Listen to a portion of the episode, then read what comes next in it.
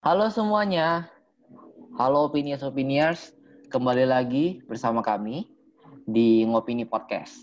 Jadi, uh, pada kesempatan kali ini kami akan membahas salah satu topik yang mungkin banyak ditunggu-tunggu oleh uh, para para pendengar, yaitu tentang perkuliahan. Perkuliahannya tapi bukan perkuliahan yang biasa, guys.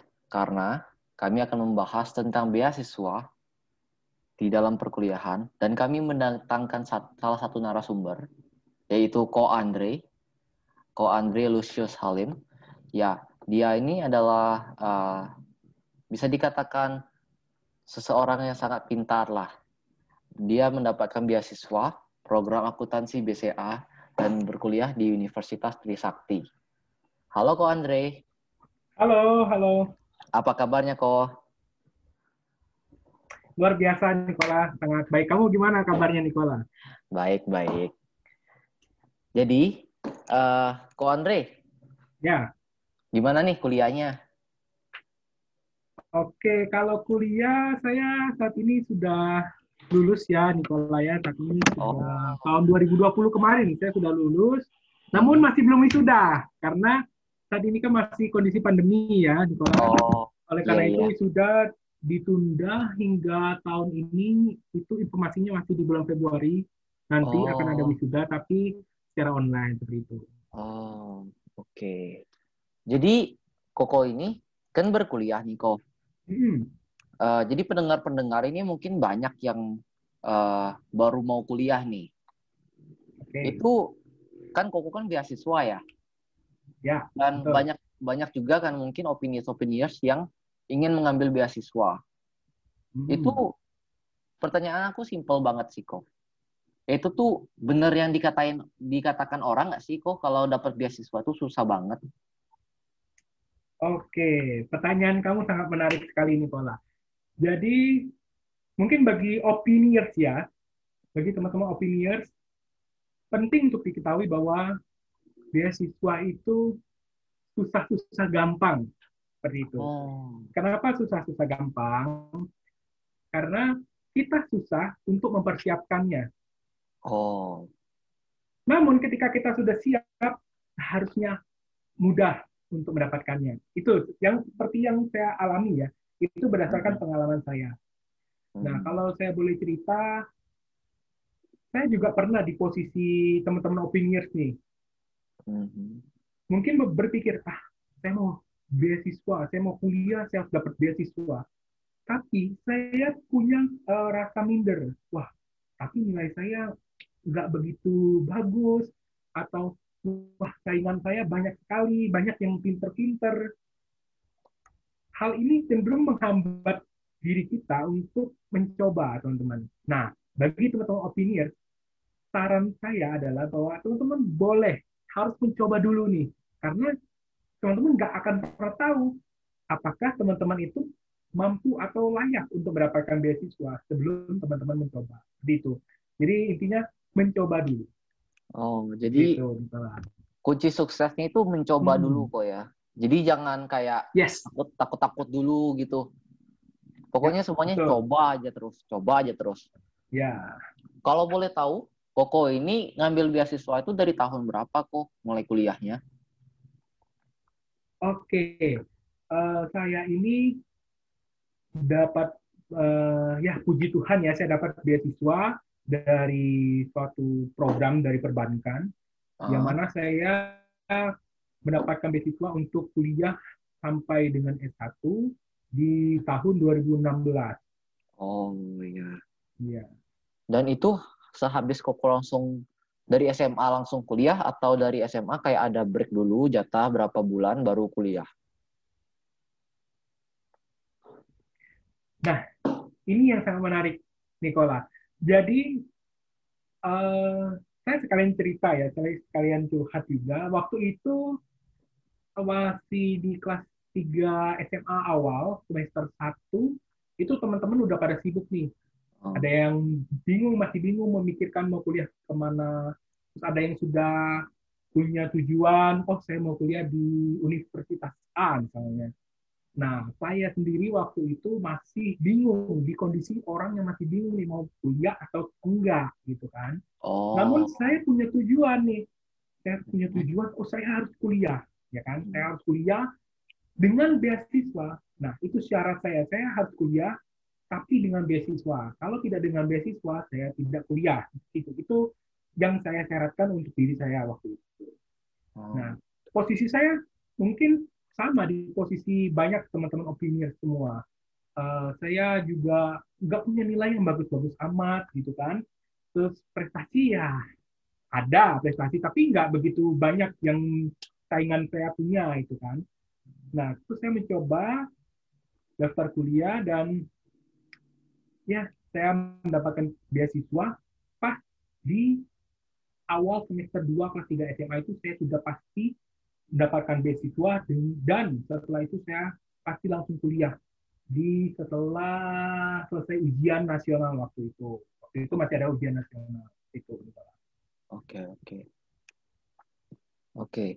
Jadi uh, langsung kuliah. Jadi berarti Koko ini kayak oh pokoknya tekadnya besar banget mau nggak mau harus beasiswa gitu.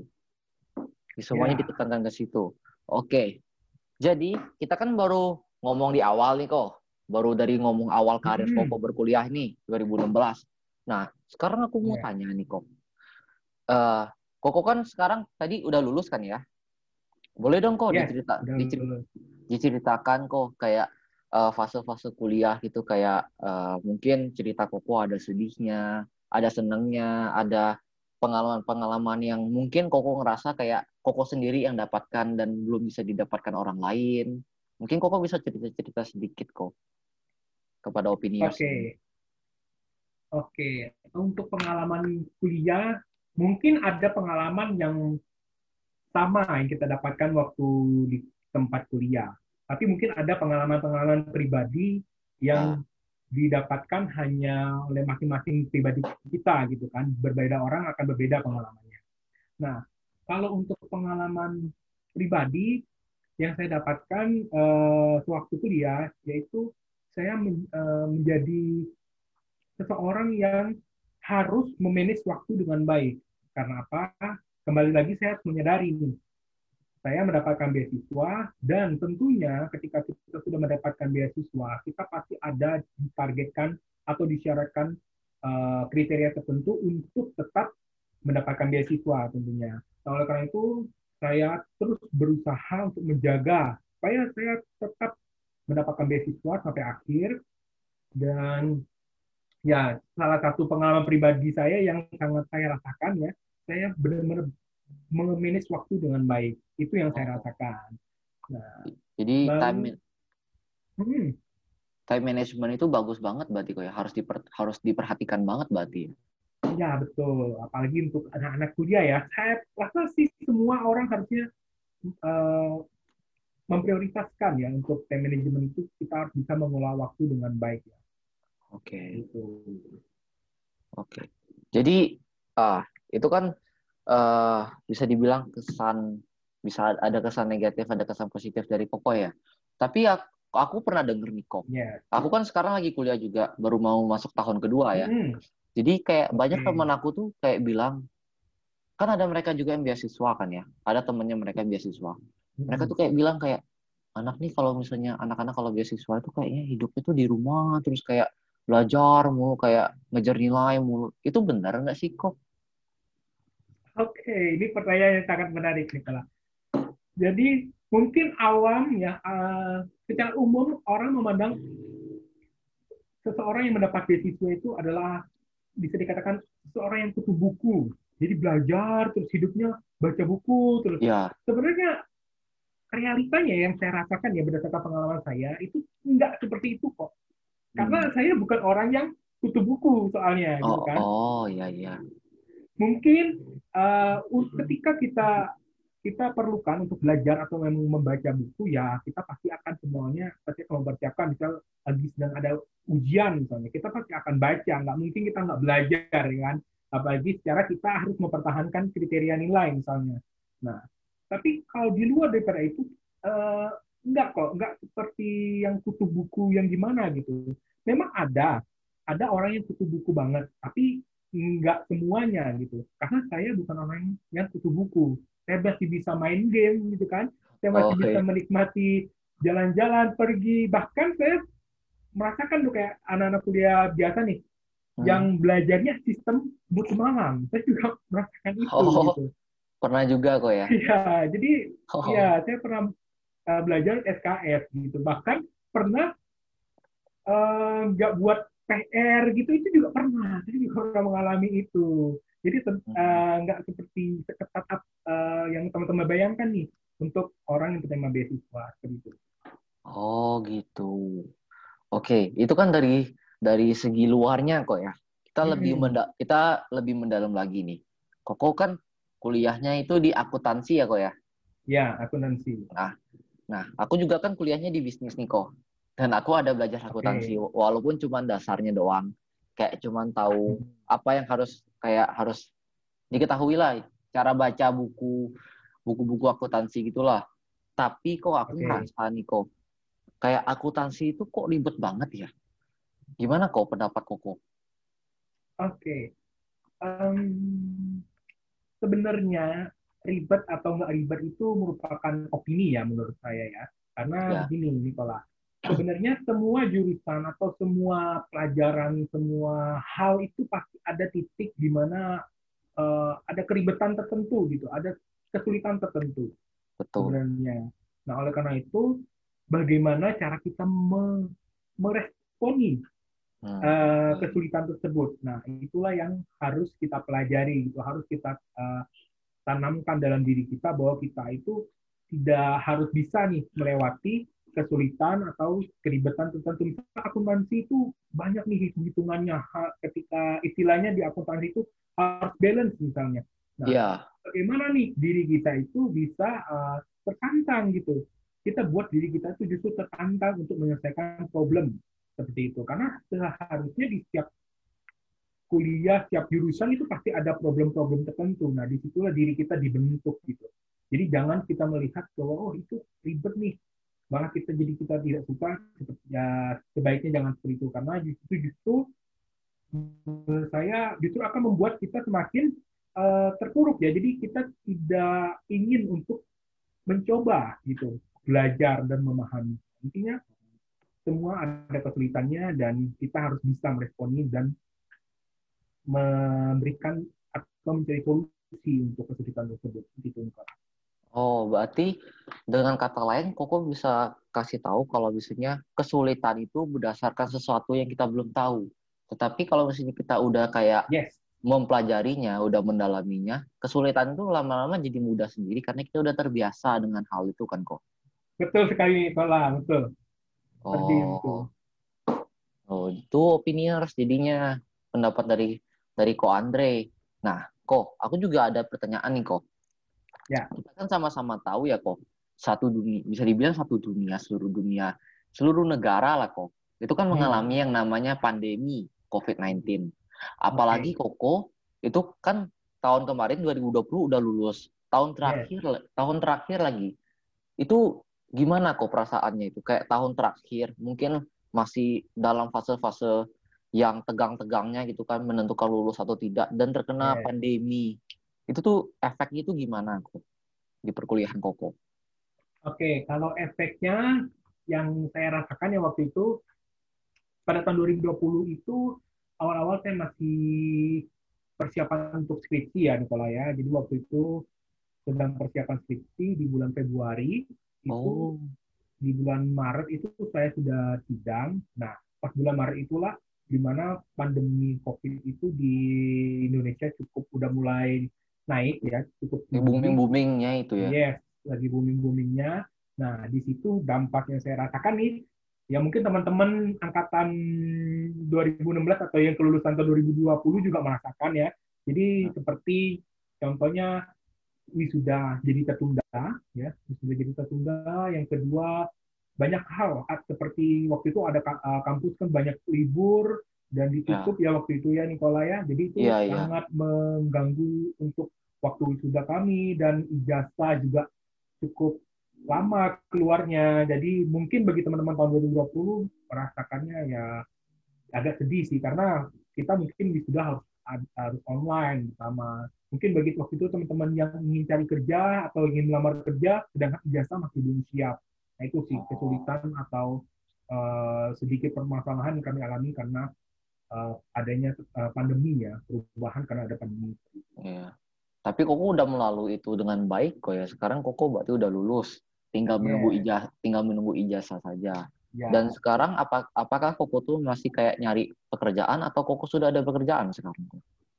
Sekarang syukurnya saya sudah ada kerjaan. Saya itu Nikola bekerja sejak tahun 2019. Jadi bayangkan oh. saya kuliah 2016 pertengahan itu sekitar dua tahun setengah itu di tahun ya tahun ketiga lah mau hampir tahun ketiga itu saya sudah bekerja di salah satu perbankan di Indonesia. Oh. Nah di sinilah menjadi poin tambah dari beasiswa yang Koko dapatkan. Nah jadi Koko memang bisa berkesempatan untuk bekerja langsung setelah uh, selesai menempuh pendidikan di universitas seperti itu Nicola. Oh, berarti Koko berarti Koko bisa dibilang mendapatkan hak istimewa gitu kok ya. Jadi kayak berkuliah, habis kuliah langsung langsung di provide gitu dengan pekerjaan yang yang mungkin sekarang sangat baik ya di zaman pandemi ini. Ya, untuk saat ini uh, sangat bersyukur, bersyukur sekali ya Nikola ya. Ya. Jadi ya sangat bersyukur. Gitu. Oke. Okay. Jadi uh, oke. Okay. Jadi waktu pekerja, waktu bekerja sekarang ini kan Koko lagi bekerja kok ya. Ya.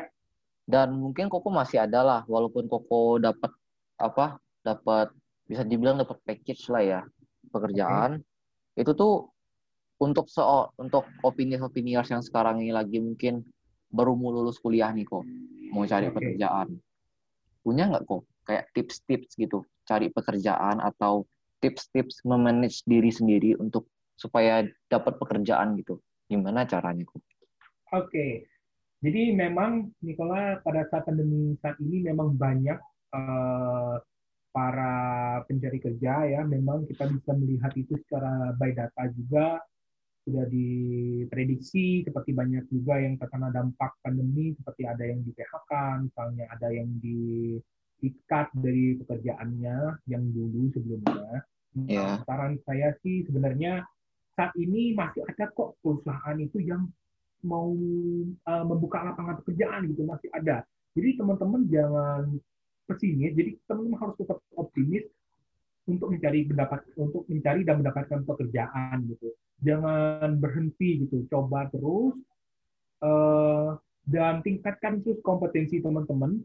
Justru di saat kondisi saat ini adalah uh, kondisi yang bisa dikatakan menjadi waktu bagi diri kita untuk untuk berbenah gitu. Untuk berbenah untuk meningkatkan kompetensi diri kita sembari kita mencari kerja misalnya. Kita bisa meningkatkan kompetensi diri kita atau bagi, bagi teman-teman yang sudah bekerja juga banyak waktu luang seharusnya ya. Karena karena pandemi saat ini kan uh, memang disarankan untuk tetap di rumah misalnya bekerja dari rumah nah oleh karena itu manfaatkan. Ini sangat sangat uh, harus dimanfaatkan gitu. Jangan dilewati dengan kita justru rebahan gitu. Atau kita justru bermalas-malasan menikmati kondisi-kondisi saat ini dengan uh, bersantai-santai itu justru jangan seperti itu. Karena ini suatu kesempatan gitu untuk kita memiliki waktu yang lebih banyak dan melakukan hal yang lebih banyak seperti itu.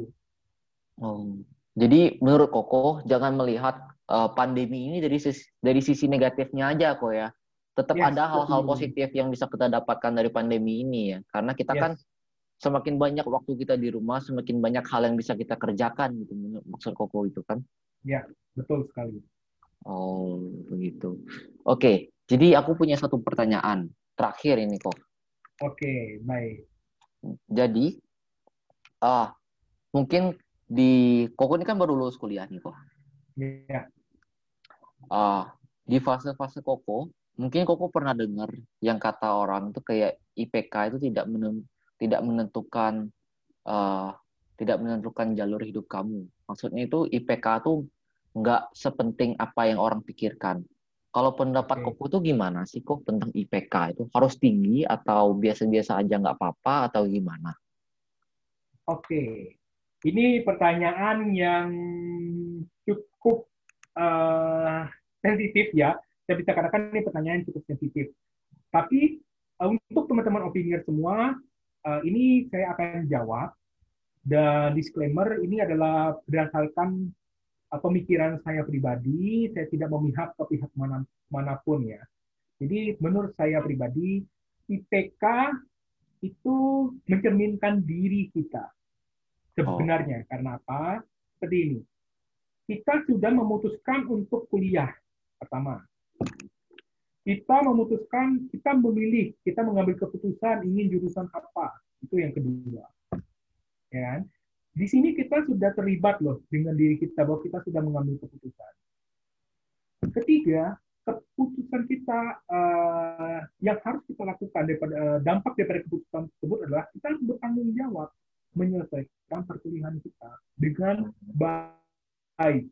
Itu menurut saya pribadi. Nah, IPK itu sering kali di, uh, dilihat sebagai ukuran nih. Iya. Bahwa oh ketika IPK tinggi itu mencerminkan orang itu pinter sekali. Atau ketika IPK rendah itu mencerminkan orang itu bodoh. Enggak, saya katakan itu tidak sama sekali. Namun yang penting diketahui bahwa uh, seseorang yang bertanggung jawab itu pasti menjaga nilai IPK-nya untuk tetap berada pada tujuan yang ditetapkan oleh masing-masing pribadi tersebut. Jadi uh, eh, IPK itu memang relatif ya. Jadi okay. uh, eh, apakah IPK menentukan kesuksesan?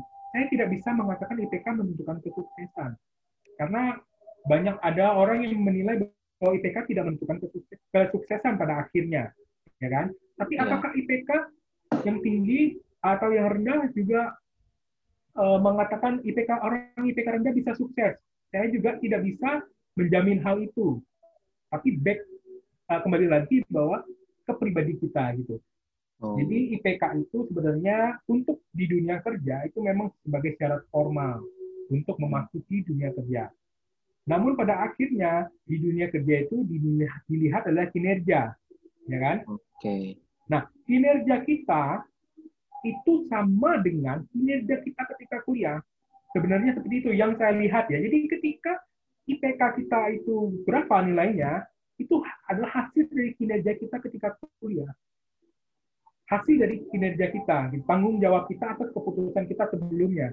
Nah, sama halnya ketika kita kuliah, eh maaf, ketika kita kerja, kita masuk ke dunia kerja. Nah, kinerja kita itu yang akan memastikan kesuksesan kita. Nah, kesuksesan itu bisa dikatakan ibarat IPK lah. Seperti itu. Nah, jadi ibarat uh, bisa dikatakan kalau saya lebih melihat atau menilai bahwa ketika seseorang memiliki IPK yang baik, dia seharusnya mampu berkinerja dengan baik di dunia kerja. Seperti itu. Karena dia bertanggung jawab nih. Seperti itu, Nikola. Jadi uh, seberapa standarnya IPK itu dikatakan baik itu tergantung pribadi kita masing-masing. Karena kita yang mengambil keputusan untuk kuliah maka kita punya tujuan. Oh saya mau IPK saya tiga setengah atau saya mau IPK saya empat? Saya mau IPK saya 3,8 yang penting bagaimana proses kalian dalam mencapai tujuan itu. Nah itu yang akan sangat penting pada akhirnya. Seperti itu Nicola. Oh jadi kita dalam uh, menentukan sesuatu tuh kita berarti harus bertanggung jawab dari awal sampai akhir gitu kok ya. Yes. Kayak orang kayak orang berkuliah kita misalnya nih kayak uh, kita kasih tahu ke diri kita sendiri kayak oh IPK saya harus segini. Kalau bisa kita harus bertanggung jawab sampai akhir. Tapi kalau misalnya udah lulus yeah. kuliah pun dapat IPK segitu, kita pun harus bertanggung jawab waktu kita bekerja, mempertanggungjawabkan IPK yeah. kita gitu kok ya. Oke. Okay. Uh, eh, gini, sorry, sorry. Yang waktu kita bekerja, jadi gini, itu kita kan bertanggung jawab untuk uh, eh, IPK kita di kuliah. Nah, waktu kita hmm. kerja, itu proses kita di perkuliahan itu, itu akan membantu kita di pekerjaan seharusnya. Jadi ketika oh. kita berproses dengan baik dan menghasilkan IPK yang baik, dan di kerjaan itu harusnya kita dengan mudah melewatinya. Begitu. Oh, oke. Okay. Oke, okay. ah, aku dapat banyak banget pengetahuan baru, ilmu-ilmu baru malam ini kok. terima kasih kok sudah ya. sudah bisa hadir di Ngopini Podcast. Koko ini mungkin menjadi salah satu tamu pertama di Ngopini Podcast ini kok. tamu eksklusif di Ngopini Podcast ini. Oke. Okay. Ya. Saya dari uh, dari Lensa Opini juga uh, berterima kasih kepada Koko karena mau hadir dan sebelum saya uh, menutup podcast ini, mungkin saya ya. bisa memberikan kesimpulan dari uh, dari podcast malam ini. Kalau sebaiknya sebagai seorang mahasiswa yang baik, kita itu harus mempertanggungjawabkan pilihan dan diri kita sendiri, baik itu di awal dan juga di akhir, kok ya. Ya, setuju banget. Dengan dengan begitu kita bisa setelah kuliah pun kalau misalnya kita sudah bisa bertanggung jawab terhadap diri kita sendiri, terhadap pilihan kita, kesuksesan itu bisa lebih mudah kita dapatkan karena kita sudah mengenal diri kita sendiri, kok ya. Iya. Oke, jadi uh, sekian opiniers podcast dari Ngopini Podcast. Uh, jangan lupa di Spotify di Ngopini Podcast kalian bisa dengarkan. Sehabis itu, kalau misalnya kalian sudah mendengarkan podcast ini, kalian bisa komen. Jadi kok kita ini punya Instagram juga loh kok, bukan cuma podcast. Oke, luar biasa jadi, kalian ya. Jadi kita juga punya Instagram di lensa di lensa opini, bisa dicari di Instagram. Kalian juga bisa komen mungkin tentang opini podcast ini karena mungkin kita akan memberikan trailer di sana dan kalian bisa mungkin juga sharing tentang pengalaman berkuliah kalian. Oke. Okay? Jadi sekali lagi terima kasih kok sudah hadir di Ngopini Podcast kali ini. Dan juga ya. bagi bagi opiniers, terima kasih karena sudah mendengarkan opi uh, podcast dari Ngopini Podcast dan sampai jumpa di the next episode of Ngopini Podcast. Dadah. Bye semuanya. Terima Bye. kasih.